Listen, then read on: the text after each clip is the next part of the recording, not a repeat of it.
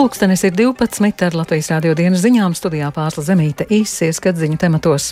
Pāterniekos lielas kravas mašīna rindas, Ukraina sekmīgi atvaira Krievijas uzbrukumus, Krievija mēģina šķelt startautisko sabiedrību, biķernieku trasēs starts dots Baltijas autošoseis noslēdzošajam posmam. Pāternieku robežu šķērsošanas vietā šorīt izbraukšanu uz Baltkrieviju gaidījušas 500 kravas automašīnas un 10 vieglās automašīnas. Tāda ir valsts robežsardzes informācija. Arī vakar vakarā rindā bija 500 kravas automašīnas un 50 vieglās automašīnas. No otrdienas ir slēgta Silenes robežu šķērsošanas vieta un pāternieki ir vienīgā vieta uz abu valstu robežas legālai ceļošanai. Turpinās militārās mācības namēs no šodienas uz nedēļu Latgalē un Vidzemē noteikti plaši gaisa telpas izmantošanas ierobežojumi. Tie noteikti arī virs pilsētām, piemēram, Valmīras, Madonas, Reizeknes un Daugaupils. Ierobežojumi nozīmē to, ka ar militārajām mācībām nesaistītai gaisa satiksmei, tajā skaitā droniem, ir aizliegts izmantot gaisa telpu, ja nav saņemts saskaņojums. Ukrainā 570. dienu turpinās Krievijas pilna apmēra karš. Aizvadītajā diennaktī Ukrainas bruņoties spēki atvairījuši Krievijas uzbrukumus vairākos frontes virzienos.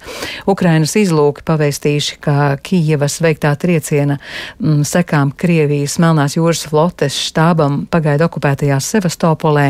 Savukārt Ukrainas prezidents Vladimirs Zelenskis savas Kanādas vizītes laikā brīdinājis par Kremļa centieniem sašķelt starptautisko sabiedrību Ukrainas atbalsta jautājumā.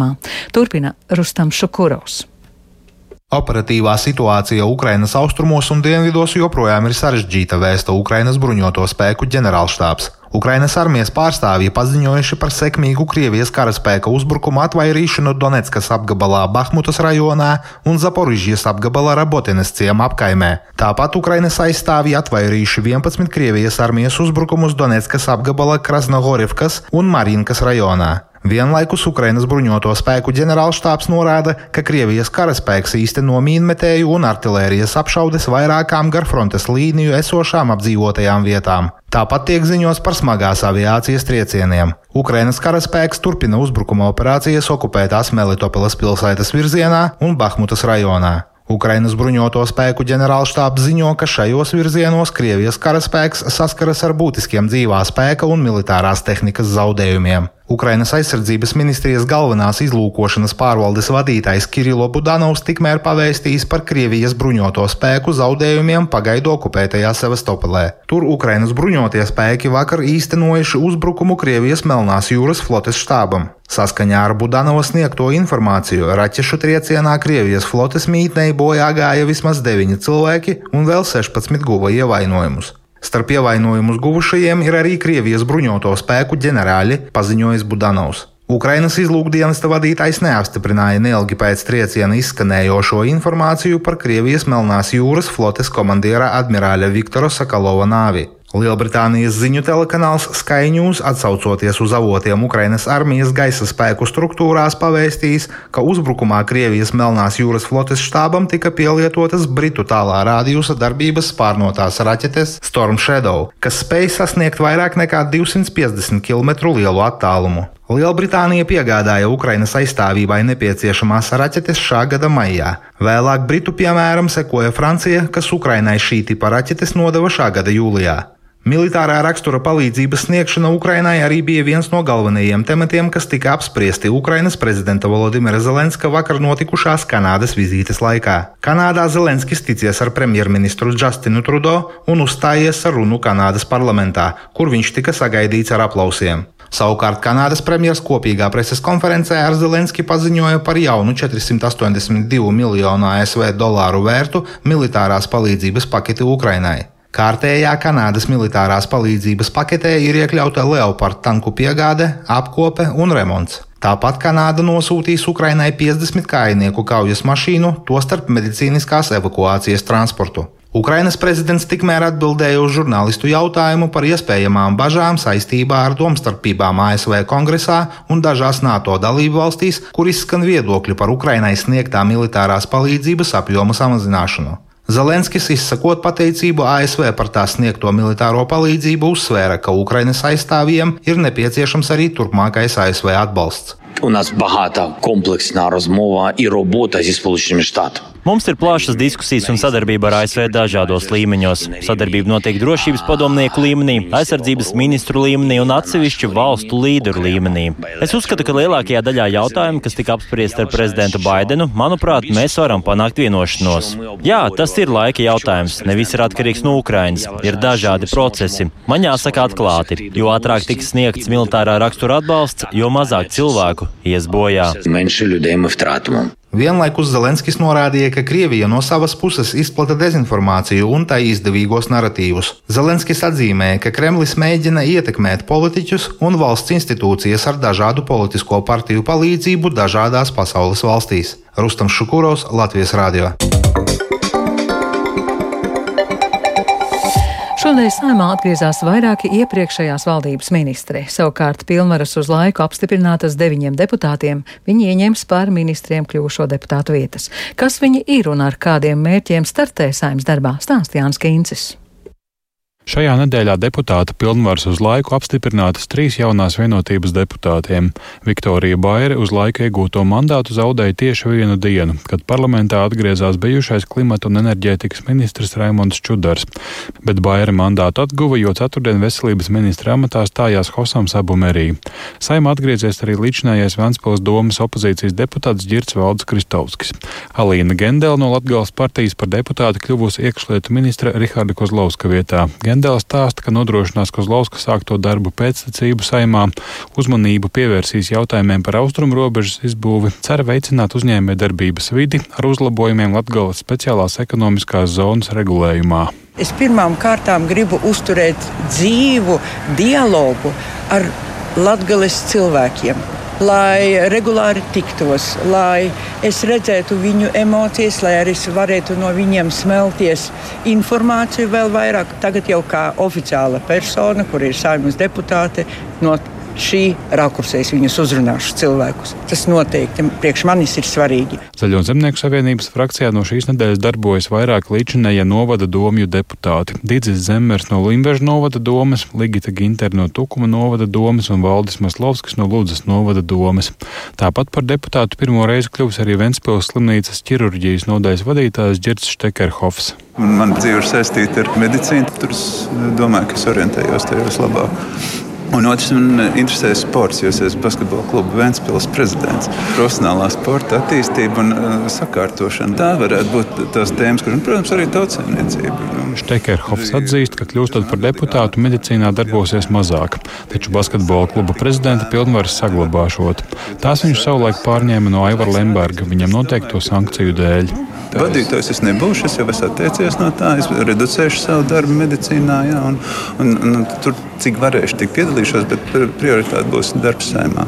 Progresīvo frakcijā darbu sākuši nu jau bijusī Rīgas domas deputāte Mairita Lūsa un kādreizējais Smiltens novada domas deputāts Ervins Labanovskis. Viņš cer aizstāvēt uzņēmēju intereses savā un citos novados. Viens no maniem prioritāriem būtu mājokļu politika. Jo, ja mēs runājam par to, ka mums ir ekonomiskā stagnācija un par to, ka vajag darīt vairāk, tad it sevišķi uh, vidzemes centrālajai daļai mājokļu trūkums ir tas, kas ļoti bremzē ekonomikas attīstību. Un, protams, es pats arī nāku no mazo uzņēmēju vidas. Es zinu, esmu gājis visam cauri, visiem šiem procesiem, un zinu, kādas, kādas ir problēmas. Droši vien es būšu arī šo cilvēku balss šeit. Pēc tagadējās valdošās koalīcijas apstiprināšanas un izmaiņām deputātu lokā daudz pārmaiņu ir arī saimnes komisijās. Jānis Kincis, Latvijas Radio. Par sportu. Šodien Japānā noskaidrojies, kurš rīt pirmās formulas sezonas atklāšanas sacensībās startēs no pirmās pozīcijas. Savukārt tepat Latvijā starts dots Baltijas autošosejas noslēdzošajam posmam. Dienas otrā pusē gaidāmi arī citi sporta notikumi. Un par tiem pastāstīs Lotārs Zariņš. Sveiks, Lotār! Jā, sveiki, pārslas, sveiki, klausītāji. Lutēr pastāsti, kurā trases līkumā biķernieku trasē tu šobrīd atrodies un kas tur notiek? Jā, nu, šobrīd atrodos starta pozīcijā, ja tā var teikt. Um, Biķenieku trasē norit piektais un noslēdzošais uh, šī gada Baltijas autošosejas čempionāta posms. Pirmo reizi savā starpā neitrālā teritorijā tiekas Somijas un Zviedrijas braucēji, kuri tiek uzskatīti par labākajiem leģendas kārs pilotiem pasaulē.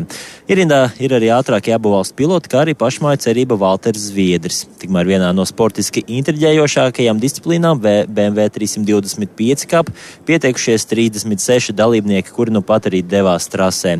Vairāk par sacensībām lietēnajā biķernieku trasē stāsta organizators Andis Mēlans.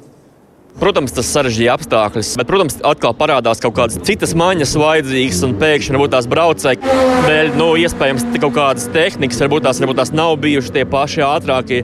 Viņi pēkšņi var šādā laikā var nodemonstrēt savu ātrumu un uh, pārsteigt konkurentus. Šeit var redzēt no nu, pavisam lēnām mašīnām līdz ātrām GT klases mašīnām. Ir leģendas, līdzjutēji jau zina, kas ir leģendas. Tās ir tādas mazas mašīnītes ar motociklu dzinējiem, kas ļoti ātras, ļoti attraktīvas un cilvēkiem ļoti patīk. Protams, ka BMW 325 ir bezkompromisa cīņas, ir pēdējais posms, izšķirās titulu visās klasēs, un tās likmes ir ļoti, ļoti, ļoti augstas.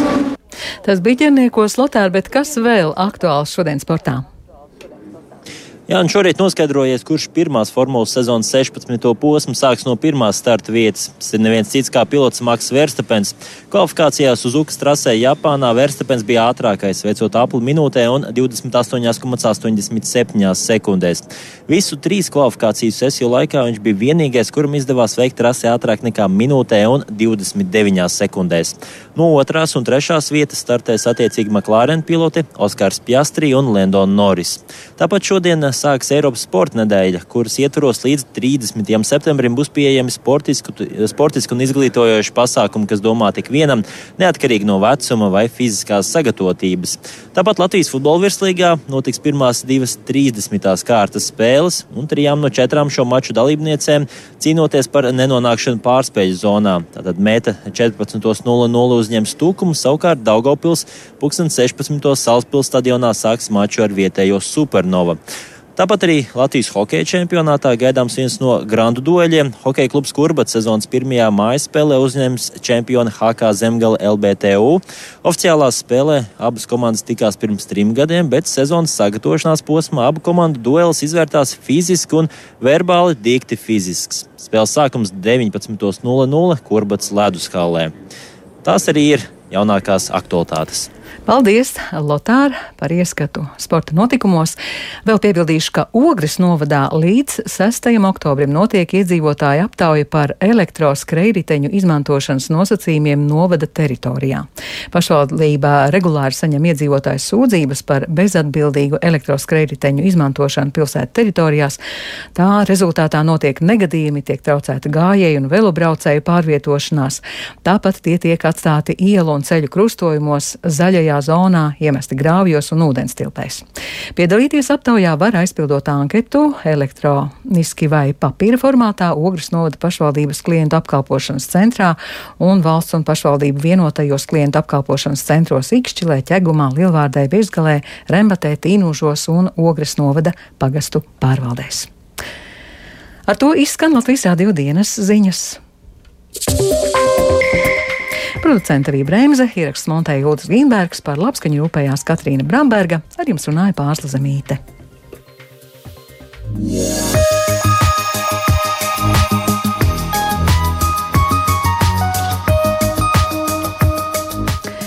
Latvijas vides geoloģijas un meteoroloģijas centrs informē Rīgā pat laban ir 18 grādi, dienvidu vējš 3 m2, gaisa spiediens 760 mm, gaisa relatīvais mitrums 92%.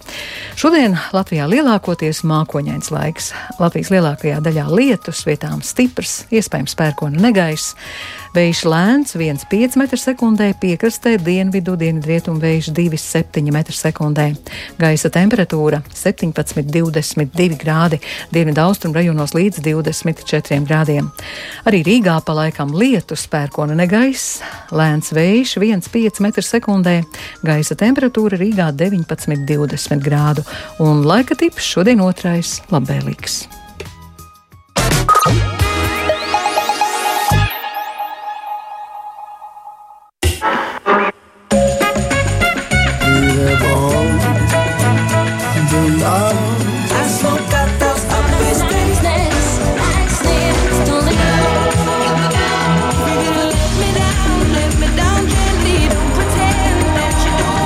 Dzīves ritmi mūzikā.